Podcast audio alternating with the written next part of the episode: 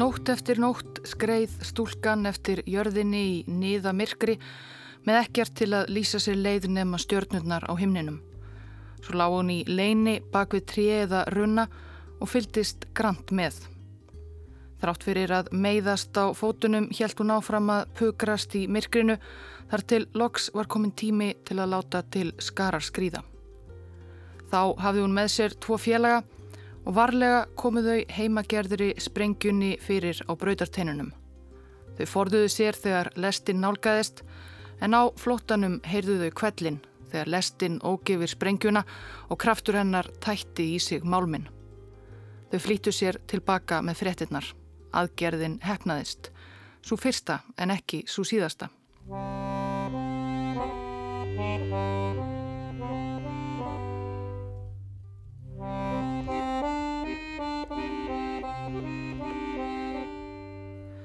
Við þekkjum í dag borgina Vilnius sem höfuð borgins sjálfstæða Eistrasaltsríkis Litáen og vissulega hafa Litáar litið á borgina sem höfuð borg þjóðarsinnar í gegnum aldirnar. En borgin sem stendur um 300 km frá ströndu Eistrasaltsins þar sem renna saman árnar Vilnia og Neris og stundum er sagt að sé einmitt í Evrópu miðri. Hún hefur tilhengst ímsum ríkjum og þjóðum í gegnum tíðina og hún hefur einnig við kölluð ímsum nöfnum. Stór hluti borgarbúa þekkti hana sem Vilnó í upphafi 20. aldar. Þá var hún mest megnis pólsk borg, mikill meiri hluti borgarbúa pólskumælandi og litáískir íbúar aðeins örfáir.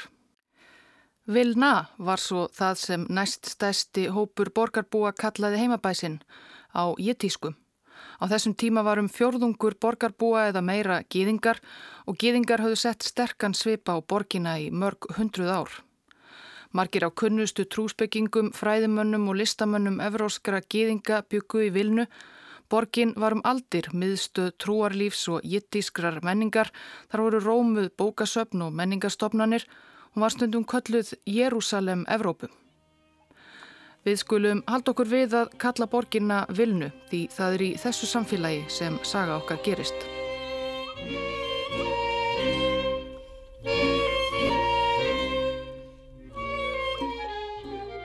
Einn af þekktustu íbúum vilnu á 20. stöld var endar ekki fættur í borginni. Abba Kovner var fættur í Sevastapól á Krímskaga í rústneska keisaradæminu 14. mars 1918. Fjölskylda hans aði flust til Sevastapól frá Vilnu í upphafi 20. aldar í leitað tækifærum. Fadir drengsins Ísrael Kovner var skartgripasali og fjölskyldan var vel stæð, daglegt líf þeirra þægilegt. En það breytist svo eftir rúsnesku borgarstyrjöldina sem hófst sama ár og Abba fættist. Það varð fljótt ljóst eftir stríðið að stjórnvöldi hinnum nýju Sovjetríkjum voru borgaralegum gýðingum ekki sérlega vinnveitt og eftir að Ísrael Kovner þurfti að dúsa í fangelsi í nokkra mánuði fyrir óljósar sakir sneri fjölskyldan aftur heim til Vilnu. Þá var Abba 8 ára 1926. Ísrael Kovner var enn vel stæður þegar hann snýri aftur heim til heimaborgar sinnar en almennt hafði gýðingasamfélag vilnu mátt muna sinn fývil fegri. Borgin hafði þá örfa um árum áður en einu sinni skiptum hendur í kjölfar heimstyrjaldarinnar tilherði nýstopnuðu pólsku líðveldi. Efnagast ástandið meðal gýðingaborgarinnar, þeir voru á að gíska 50-60 þúsund, var almennt bátt og Ísrael Kovner, örlátur maður, fann sig knúin til að verja stórum hluta fjölskyldu auðavanna í góðgerðastarf, matargjafir og námstyrki. En þó fjölskyldan hefði kannski ekki jafn mikið milli handana á áður, naut sonurinn Abba sín vel í vilnu Borg sem þrátt fyrir allt var enn miðstöð gýðinglegar menningar og menta full af skrýpendum og hugsuðum, trúarlegum og veraldlegum. Abba Kovner var duglegur námsmaður þó helst vildi hann fá að ráða sínu námsefni frekar en fylgja endilega námskrá einhverja skóla.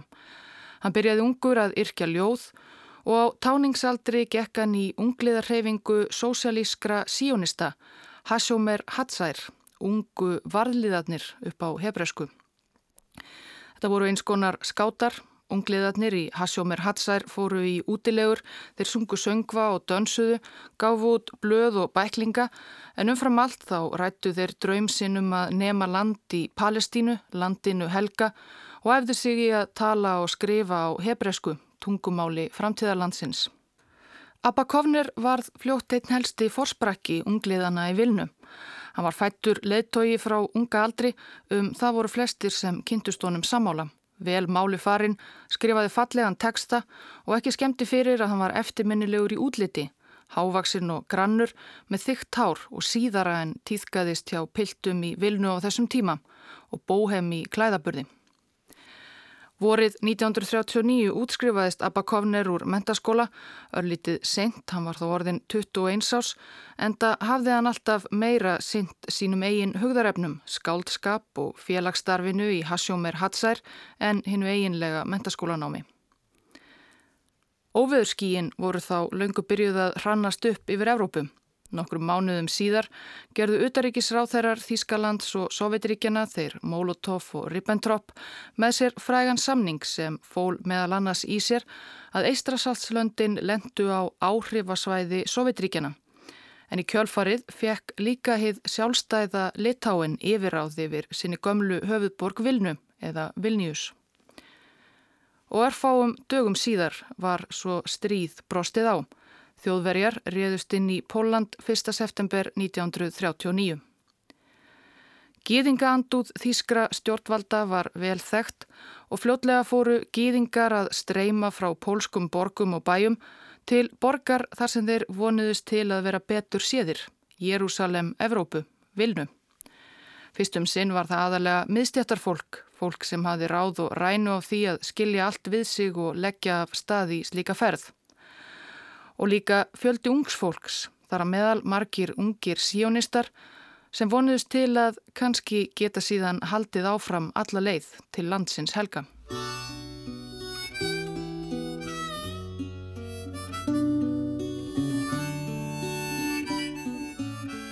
Þremur dögum eftir innrásina í Póland var Þíski herin komin að bænum Kalis inn í miðjulandi. Þar byggu mörg þúsund gýðingar. Eitt af fyrsta sem þjóðverjar gerðu var að sapna gýðingum bæjarinn saman inn í gamalli kirkju þar sem þeir voru barðir og nýðurlegðir. Meðal gýðingana í kirkjunni voru hjón með 19 ára dóttur sína Vitku Kempnir. Hún var stúdent í Varsjá en hafi komið heim í sumarfríinu sem var senn á enda. Og Vitka ákvað þarna í kirkjunni á meðan þjóðverjarnir gengu í skrokka á ættingum hennar og kunningum og nágrunum að hún ætlaði sér ekki að þóla sömu niðurlægingu. Aldrei. Hún sagði foreldrum sínum að hún væri farin. Þau reyndu að stöðvana en í mannmerðinni tókst Vitku Kempner að smegja sér burt og út um glukka á gömlu kirkjunni. Hún sá foreldra sína aldrei meir.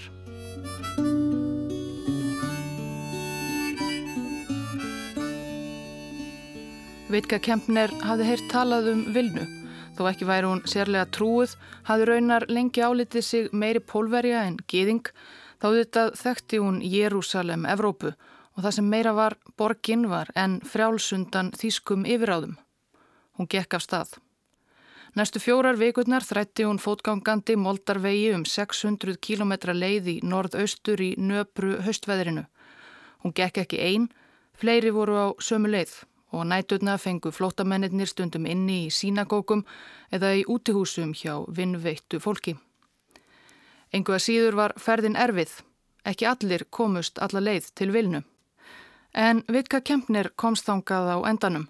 Eftir mánuð á göngu kom hún loks auga og húsþökirn og kirkjuturnana við bakka neris, borkina vilnu. Og líkt og fjöldi annara flótamanna leitaði hún á náðir skoðana sískina sinna sem höfðu þegar komið upp einhvers konar flótamannabúðum, ungu síónistana í Hasjómer Hatsær.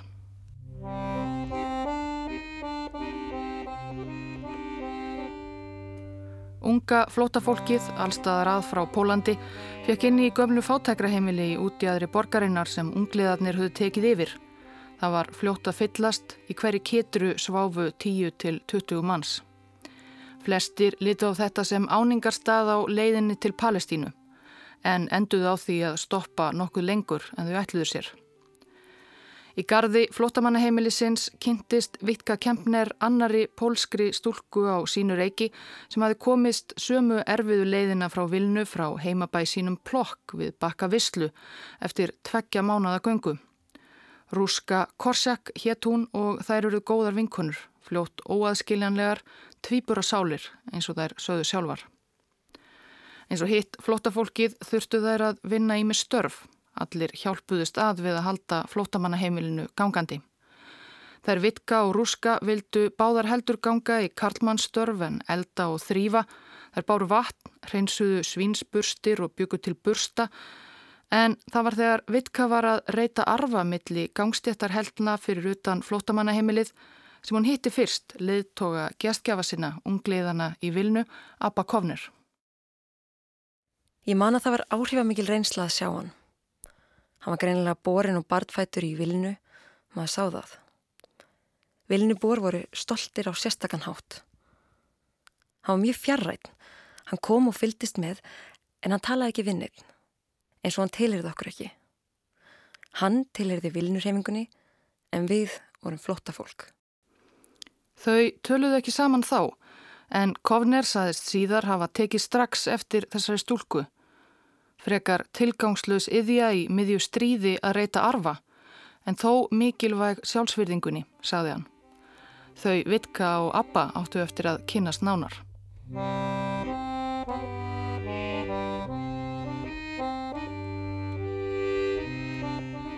Sjálfstæði Litáens og frelsi Vilnu varði ekki lengi, átta mánuði frá upphafi stríðsins. 15. júni 1940, tveimur dögum eftir að þjóðverjar réðust inn í París, innleimuðu Sovjetríkin Eistrasaltsríkin 3. Vilna, eða Vilnius, var þá að höfuborg litáísks sovjetlýðveldis. Ný yfirvöld hófust strax handa við að berja niður allt menningar og félagsstarf sem var þeim ekki að skapi. Ungliðarnir í Hasjómer Hatsær voru sósjálistar, margir þeirra höfðu lengi dáðst að Sovjetríkunum En þeir vissu líka að sovjetmenn voru ekki sérlega hrifnir af síonistum. Um leið og rauði herin marseraði inn í Vilnu varð draumur ungmennana um að komast auðveldlega áfram til Palestínu í raunað engu.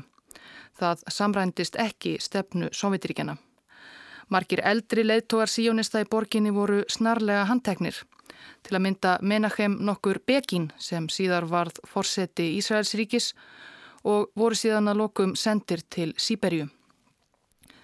Abakovner ákvaði kjölfarið á samt öðrum leðtogum Hasjómer Hatsær að leysa hreyfinguna upp en þó að halda einhverju starfi áfram leinilega, neðanjarðar. Ungmennin mynduð þannig fámennar sellur í kjallurum og kompum, heldu áfram að láta sig dreyma um landnám í landinu helga en reyndu annars helst að vekja ekki aðtikli yfirvalda. Abba Kovner skráði sig í myndtökvaranám í háskólanum og fekk vinnu í leikfangaversmiðu. Vinkonurnar óaskiljanlegu Vitka og Rúska tóku þátt í neðinera starfinu en letu lítið fyrir sér fara.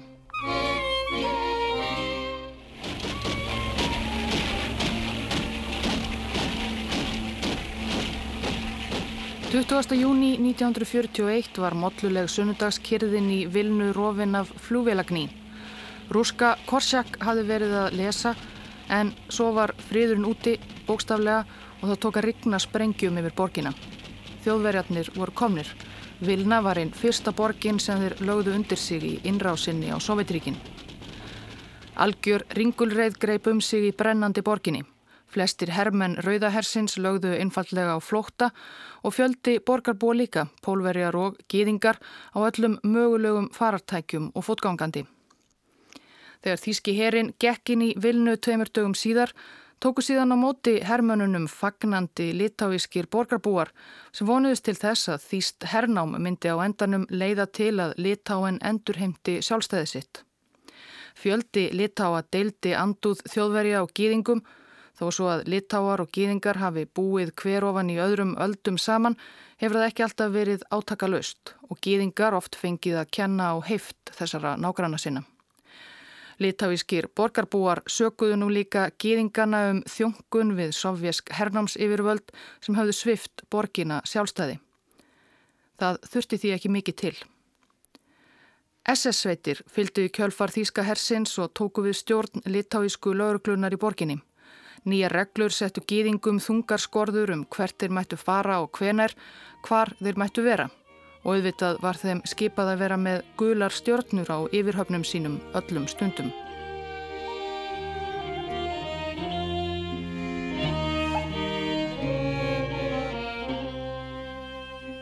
Abba Kovner helt dagbók á þessum tíma sem hann kallaði einfallega Almanak Hryllingsins. Hann hafði ekki flúið borgina. Fæstir ungliðarnir gerðu það.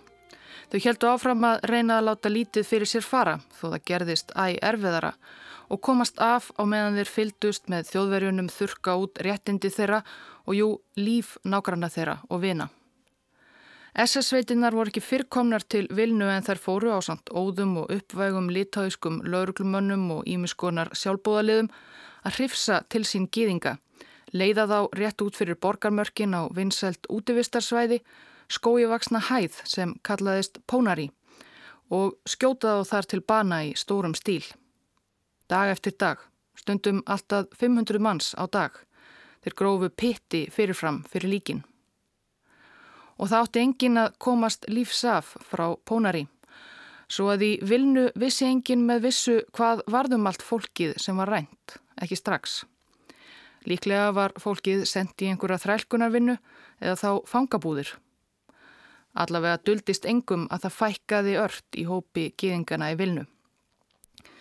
Um miðjan júli þegar drápin stóðu sem hæst flúði Abba Kovner á samt Vitku Kempner, Rúsku Korsak og um 15 öðrum úr framvarðasveit þess sem einu sinni var Hasjómer Hatsær yfir í nunnuklaustur um 6 kilometra frá Vilnu.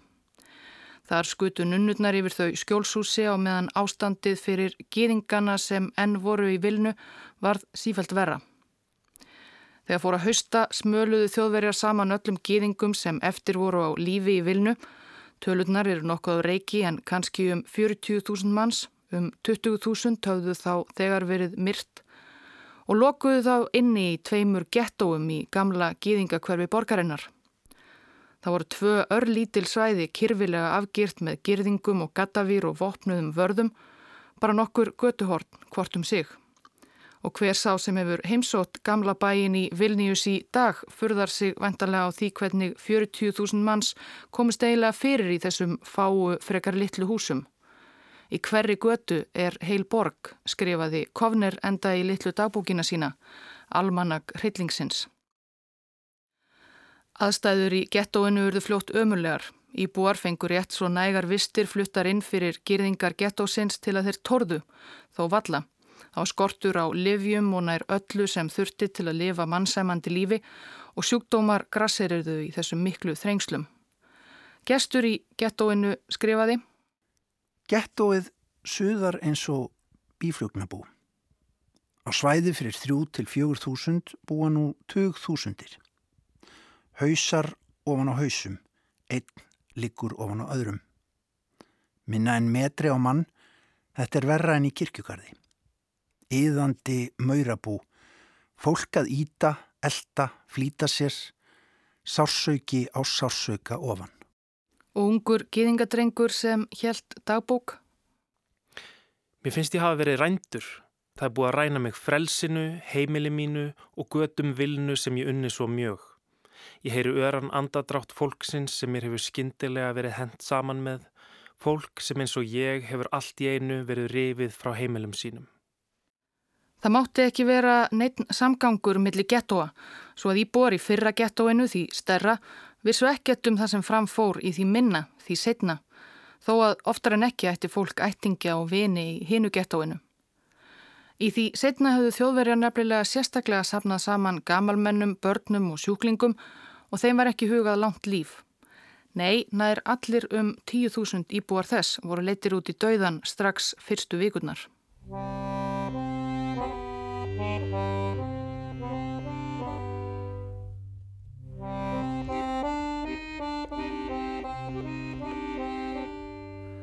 En hvað átti sér stað utan gettósins? Hvað varðum alla þá öll þau þúsund gýðinga sem þjóðverjar eða litáískir fautar þeirra höfðu rænt á undanförnum mánuðum? Það var það sem fólk vissi ekki. Gýðingarnir í Litáin voru nefnilega þeir fyrstu sem fengu að kenna á henni endanlegu laust, skipulaðri útrýmingarherferð Þískra nazista. Jú, í vilnu vissu menn að bræður þeirra og sýstur annar staðar eins og í Varsjá höfðu verið lokaðir inni í sambærilegum gettóum í nokkun tíma og aðstæðutnar þar voru sambærilega ömurlegar. En gildi ekki bara býða, reyna að lifa af til stríðsloka og vonast til þess að endurheimta þá frelsi sitt. Abba Kovner var einn af þeim fyrstu sem fór að evast um að það væri það besta í stöðinni að býða bara örlaga sinna. Hann bjó enn í klaustrinu fyrir utan borgina í litlum skúr á klausturlóðinni en laumaðist af og til inn í gettóið, dölbúin sem einn af þrælaverkamönnum þjóðverjana sem unnu fyrir utan girðingarnar. Og að lokum ákvaðan að hann gæti ekki annað en að flytja í gettóið fyrir fullt og allt. Hann yrði að taka þátt í baráttu bræðra sinna og sistra að fullum krafti.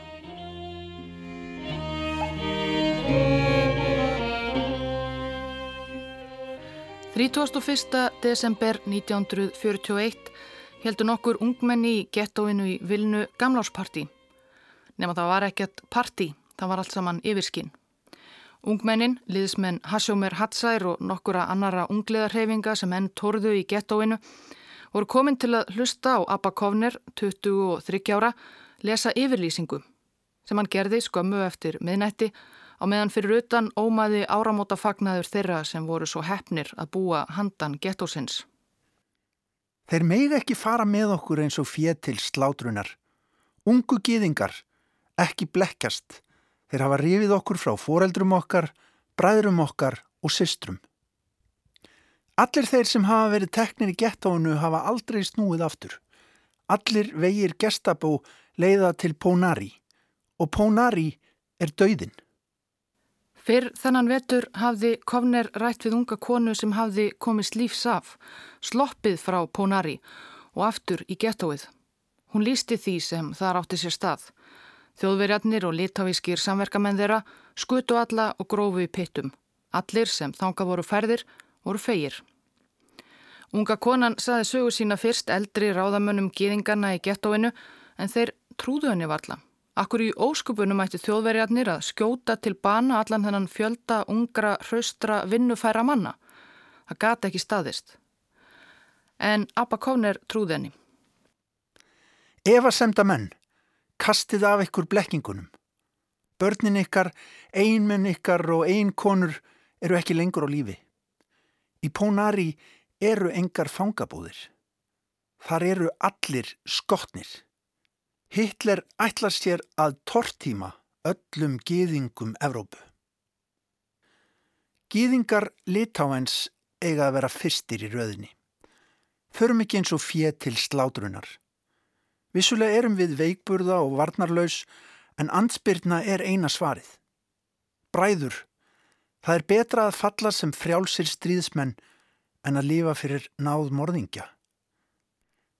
Veitum mótspyrnu fram til okkar síðasta andadráttar. Kovner las upp yfirlýsinguna á jittisku en hún var síðar þýtt á öll helstu tungumál önnur, hebresku, litáísku, pólsku. Hún var ætluð öllum markmið fundarmanna á þessum nýjársmórni 1942 var að eggja bræður sína og sýstur, vini og nágrana til að rýsa upp gegn þjóðverjum. Ég man hvert einasta smáatriði. Saði einn viðstatra löngu síðar.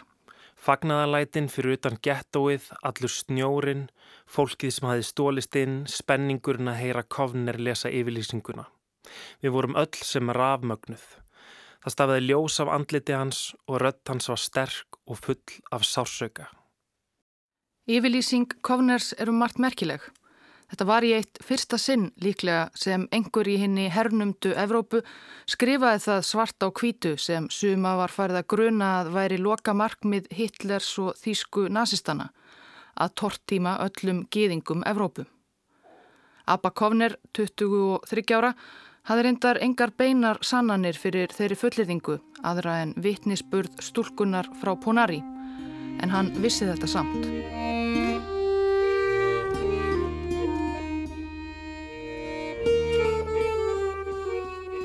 Karlmenn í gettóinu í Vilnu þurftu að vinna ímsa þrælkunarvinnu fyrir þjóðverja dag inn og dag út en íbúar gettósins letu þó ekki degan síga. Gettóið í Vilnu, Jérúsalem, Evrópu hefur verið þekkt fyrir hvað menningarlífi tókst að blómstra þar þrátt fyrir allt í gatt friðinni jörðu.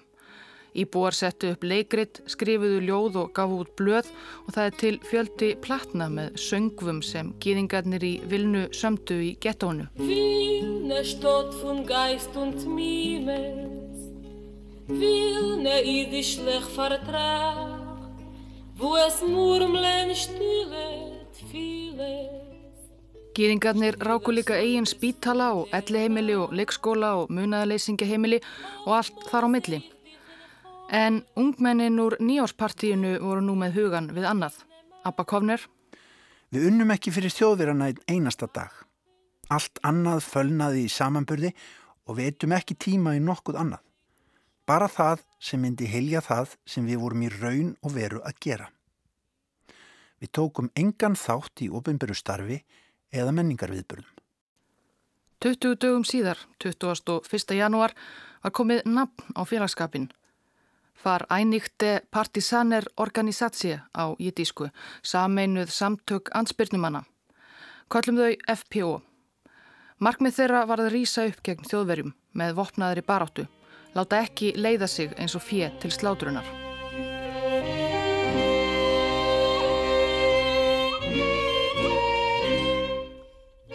Það var rólegt í gettóinu næstu mánuðina. Færri sem voru hrifsaðir burt eða hurfu sporlaust þjóðverjar þannig sé lítið að skipta sér af. En undir yfirborðinu unnu ungir liðsmenn ansbyrnu samtakana FPO hörðum höndum. Þeir sem þræluðu fyrir þjóðverjana utan gettósins notuðu þau tækifæri sem gáfust til að stela skotvopnum og öðrum búnaði og smikluðu inn eða þá til að vinna skemdarverk á þýskum hertólum. Þau þjálfuðu síi vopnaburði eftir fremsta megni ánþess þó að vekja eftirtækt. Nokkrum ansbyrnulegðum var falið að lauma sér út og villa á sér heimildir utan gettósins til að njósna um það sem þar fór fram og bera skilabóð til og frá. Það voru sérstaklega ungar konur sem voru valdar til þeirra starfa. Konur voru alla tíð mikilvægur hluti FPO. Þær þóttu ólíklegri til að vekja aðtegli þýskra yfirvalda en svo voru þær líka bara þræl hugrakkar. Vítka Kempner var einn þessara njóstnara utan gettósins. Hún litaði á sér hárið ljóst og með fölsuð skilríki þóttust hún vera pólsk sveitastúlka í Stórborginni. Sumarið 1943 átti FPO orðið all nokkuð sapn, vopna og heimagerðar að sprengja. Það er líka fjölgað mikið í hópi ansbyrnumannana. Nú voru þeir á bylinu 2-300 í fimmanna selum. Þeir höfðu meira að segja komið sér upp prentvél og prentuðu bæklinga sem þeir dreifðu um gettóið. Því markmiðið var auðvitað að fá alla íbúa gettósins í lið með sér, að fá alla til að rýsa upp þegar til þess kæmi, sameinuð gætuðu kannski átt séns í þjóðverjana, annars ekki, annars yrðuðu bara eins og fyrir leitt til sláturunar.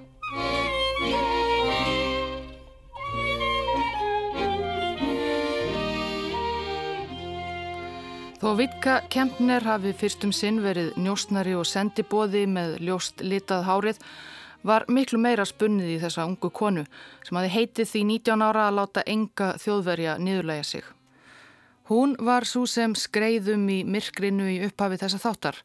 Það var hún sem leitti eina allra fyrstu skemdarverka aðgerð neðanjarðar ansbyrnu gýðingana í Vilnu sem var um leiðein fyrsta ansbyrnu aðgerð gýðinga gegn nazistum í Evrópu almennt. Þetta var sumarið 1942. Kvöld eftir kvöld laumaðist hún út fyrir borgarmörkin og fyldist með komum byrðalesta þýska hersins til Vilnu. Kvöld eftir kvöld þar til hún hafi lagt tímatöfluna á minnið. Þá kom hún aftur í fylld með tveimur öðrum ansbyrnumönnum og saman lögðu þau heimagerða sprengju á lestarteinana. Þegar lestinn svo kom tættust nokkrir vagnar í sundur, herrtól eðilöðust, herrmenn slösuðust. Vítka Kempner, 22 ára gýðingur frá pólskum smábæ, leiti fyrstu slíku skemdarverka aðgerðina gegn þýska hernum. Og það var ekki svo síðasta.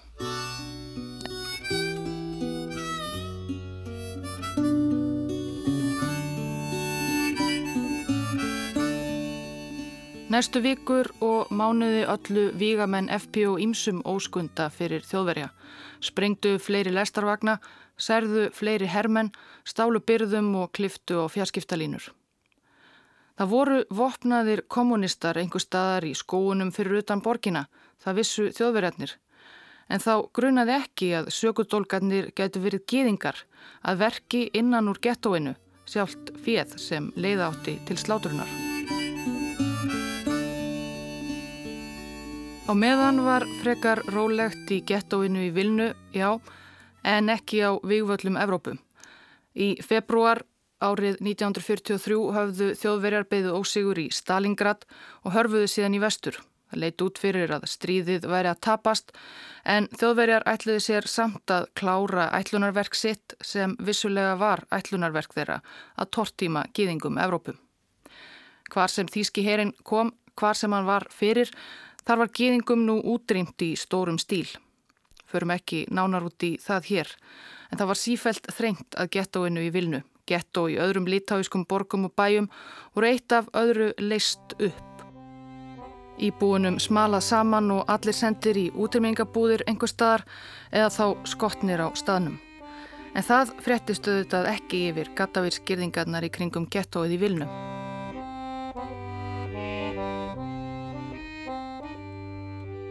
Í septemberbyrjun var svo komið að því. Þjóðverjar réðust inn í gettóið. Það var komin tími til að loka þessari sjópu. Í þetta sinn voru það ekki litáar sem voru þeim til halds og traust heldur eistar.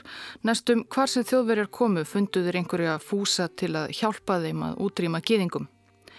Þetta var 1. september 1943. Ansbyrnur hefing Abba Kovners og félaga FPO hafði búið sig undir þessa stund síðan á nýjásmorgun 1942 þegar Kovner ávarpaði gamláspartíið. Þau höfðu þjálfað sig og sapnað vopnum. En þau voru bara 200-300 í mörg þúsund manna gettói með léleg vopn og litla þjálfun og þegar áreindi gekk ekki neitt. Allt skipulagið fjallum sjálft sig og þau fengu enga hjálp. Almennir gettóbúar risu ekki upp og hjálpuðu þeim eins og þau höfðu vonast til, heldur hlupu bara í felur eða hlítu þjóðverjum. Ekkert gekk. Þetta var allt til einskís. Það endaði með því að þau hörfuðu flest fljótt fyllt vonleysi, földu sig í kompum og kitrum á meðan þjóðverjar réðust í að leggja gettóið niður. Vítka Kempner skrifaði síðar. Allt í einu skildi við að þrátt fyrir alla þjálfunin og undibúningin voru við eins og allir aðrir geðingar. Ekkert öðruvísi. Og það var þið allra ömulegasta og sorglegasta hjálpaleysi. Það var kjarni helfararinnar.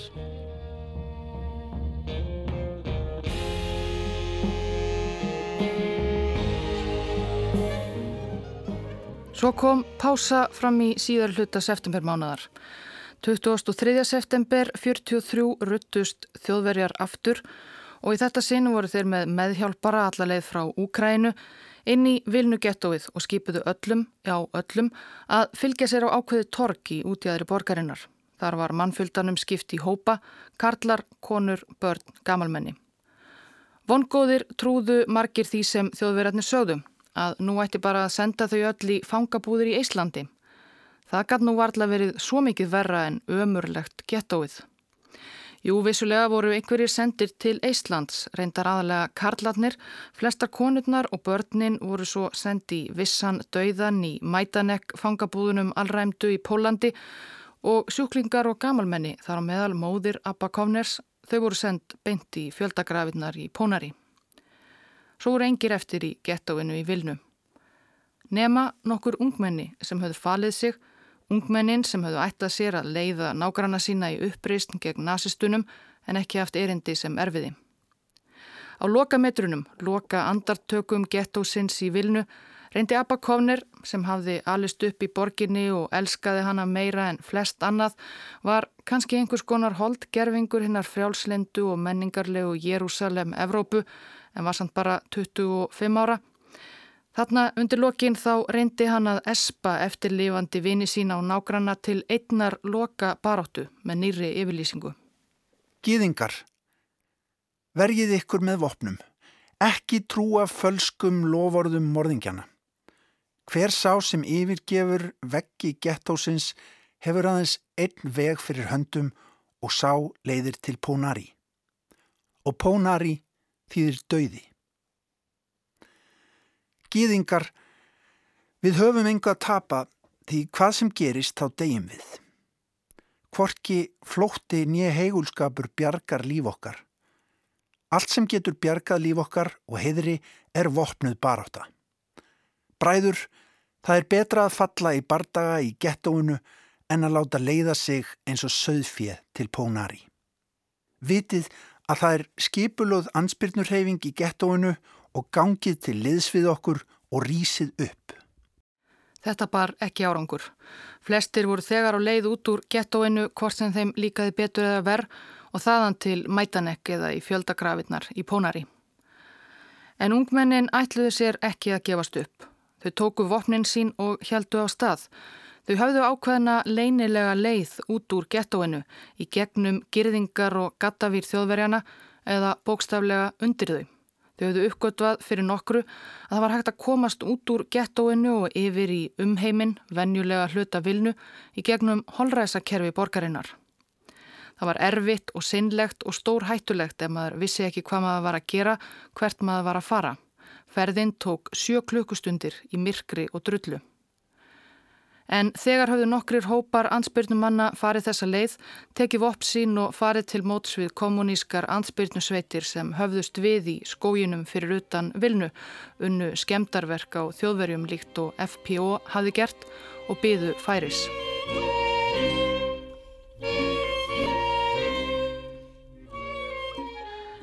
Rétt áður en þau heldu niður í holræsins að Abba Kovner leðtói ansbyrnur hreifingarinnar í gettóinu í Vilnu með félaga sínum og vinkonu Vitku Kempner á bókasafni sem þau notuðu oft sem fundarstað. Kovner var þunglindur, nýður brotinn, það hafði ekki orðið neitt úr uppreysninni sem hann hafði hugsað um öllum stundum undan farin ár. Nú var ekkert framundan nema döðin, tortíming. Hann saði Vitku Kempner að hann var að hugsa um að svifta sig lífi hvað annað var í bóði. En Vítka tók það ekki mál. Hún sagði við hinn vonlittla vinsinn eins og hann myndi vel áratugum síðar. Hvað með það þó það hafi ekki orðininn uppreist? Mikilvægasta afrauk okkar er að ansbyrnurhefingin hafi verið til. Baráttu viljin sem gaf ungmennunum í gettóinu eitthvað markmið. Hvað máli skiptið það hvar við berjumst? Förum við lið okkar í skóana og höldum baráttinni áfram þaðan. Það sem máli skiptir er sjálf baróttan.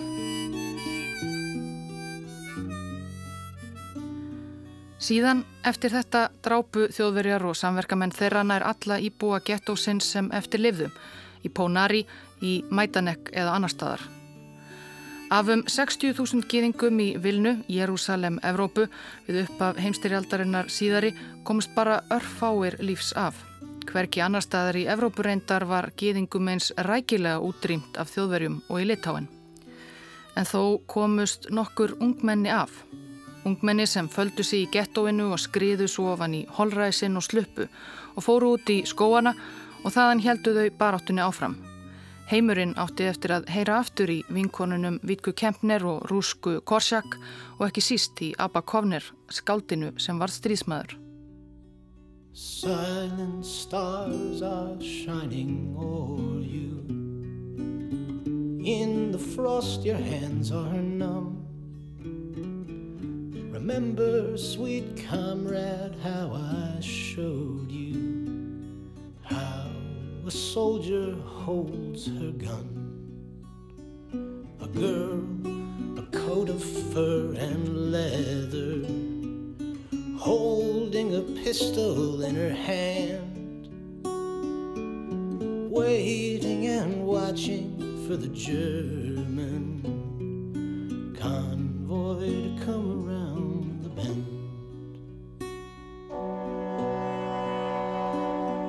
Still, die Nacht ist ausgesternt und der Frost hat stark gebrennt. Gedenkst du, wie ich hab dich gelernt. Halten a Speier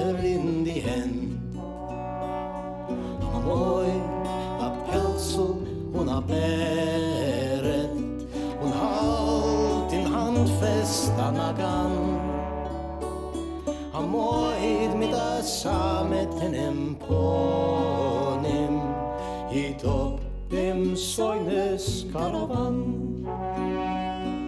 She aims her trusty little weapon, breathes and pulls the trigger back. A transport full of ammunition. One shot stops it in its tracks. Gezielt, geschossen.